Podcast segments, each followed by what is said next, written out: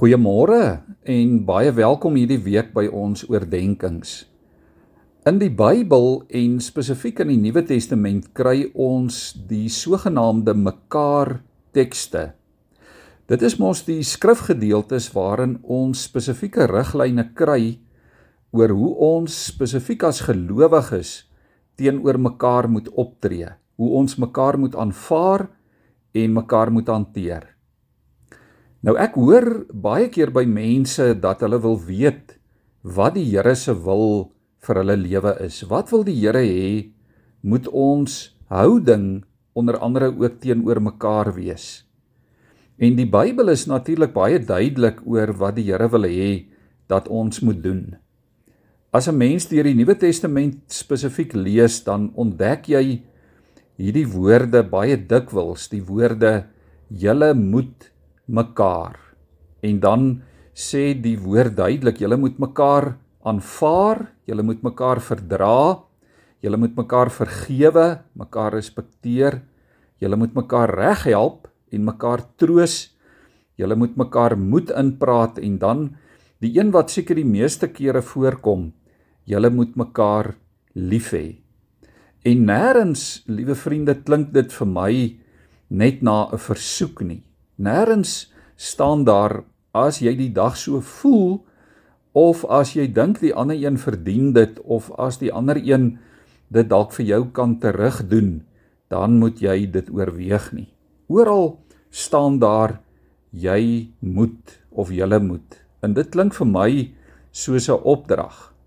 Dit klink vir my soos iets wat die Here se wil is vir ons lewe en wat ons nie mag ignoreer nie. Miskien kan ons dalk dink hierdie klink sommer net soos 'n goeie sessie life coaching in sosiale vaardighede. Ehm um, wat dit natuurlik maklik kon gewees het, maar kom ons dink so daaroor. As jy vandag jou Bybel sou toemaak en jy sou maak asof hierdie woorde nie in die Bybel staan nie. Hoe sou die lewe dan gelyk het? Hoe lyk die lewe en hoe lyk die wêreld waar mense mekaar nie in ag neem nie? Maak gerus die Bybel vir 'n oomblik toe asof hierdie opdragte nie in die Bybel staan nie en pas dit dan toe in jou alledaagse lewe. Hoe sal dit lyk in jou huis? Hoe sal dit gaan by jou werk? Hoe sal dit wees in jou winkel? Daar agter die stuurwiel van jou motor dalk. Hoe sal jou Facebook kommentare lyk en jou WhatsApp gesprekke? As die mekaar die omgee vir mekaar die inagneem van mekaar nie deel was van jou en van my lewe nie. Maar as ons die Bybel die woord van die Here en hierdie mekaar tekste ernstig opneem dan gaan ons duidelik sien watter goeie en wonderlike vrugte dit in ons lewens afwerp. As ons dit ignoreer dan gaan verhoudinge versuur. Dan gaan mense mekaar se koppe stamp. Dan gaan bitterheid maklik intree. Negatiwiteit gaan deel wees van ons lewens. Risies en onmin gaan intree in verhoudinge. Gaan soek gerus hierdie week saam met my vir die volgende paar geleenthede 'n bietjie in die Bybel na al die julle moet mekaar tekste. En kom ons ondersoek ons eie lewe. Kom ons ondersoek ons verhoudinge spesifiek met ander gelowiges volgens hierdie tekste. Dit is 'n wonderlike avontuur wat ons so saam wil aanpak. En dit is wat ons graag die volgende paar dae wil doen.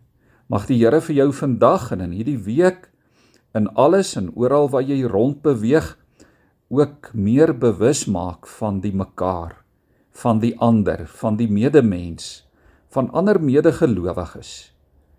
Kom ons buig ons hoofde voor die Here. Here, vanmôre weet ons dat ons in hierdie wêreld leef tussen en saam met ander mense.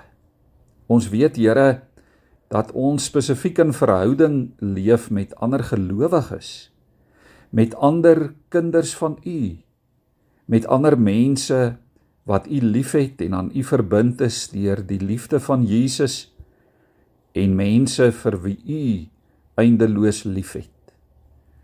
Here leer vir ons dan om sensitief te wees teenoor mekaar.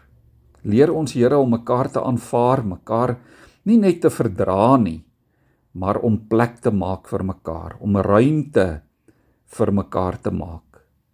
Here help vir ons as as medegelowiges, as medebroers en susters van U.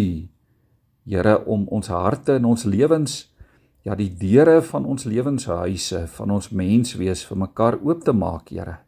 Spesifiek in hierdie tyd waarin ons lewe om mekaar te omarm.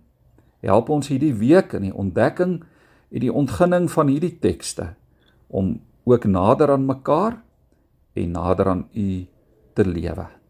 Ons bid dit in die naam van Hom wat gekom het ter wille van elkeen van ons, Jesus Christus, ons Here. Amen.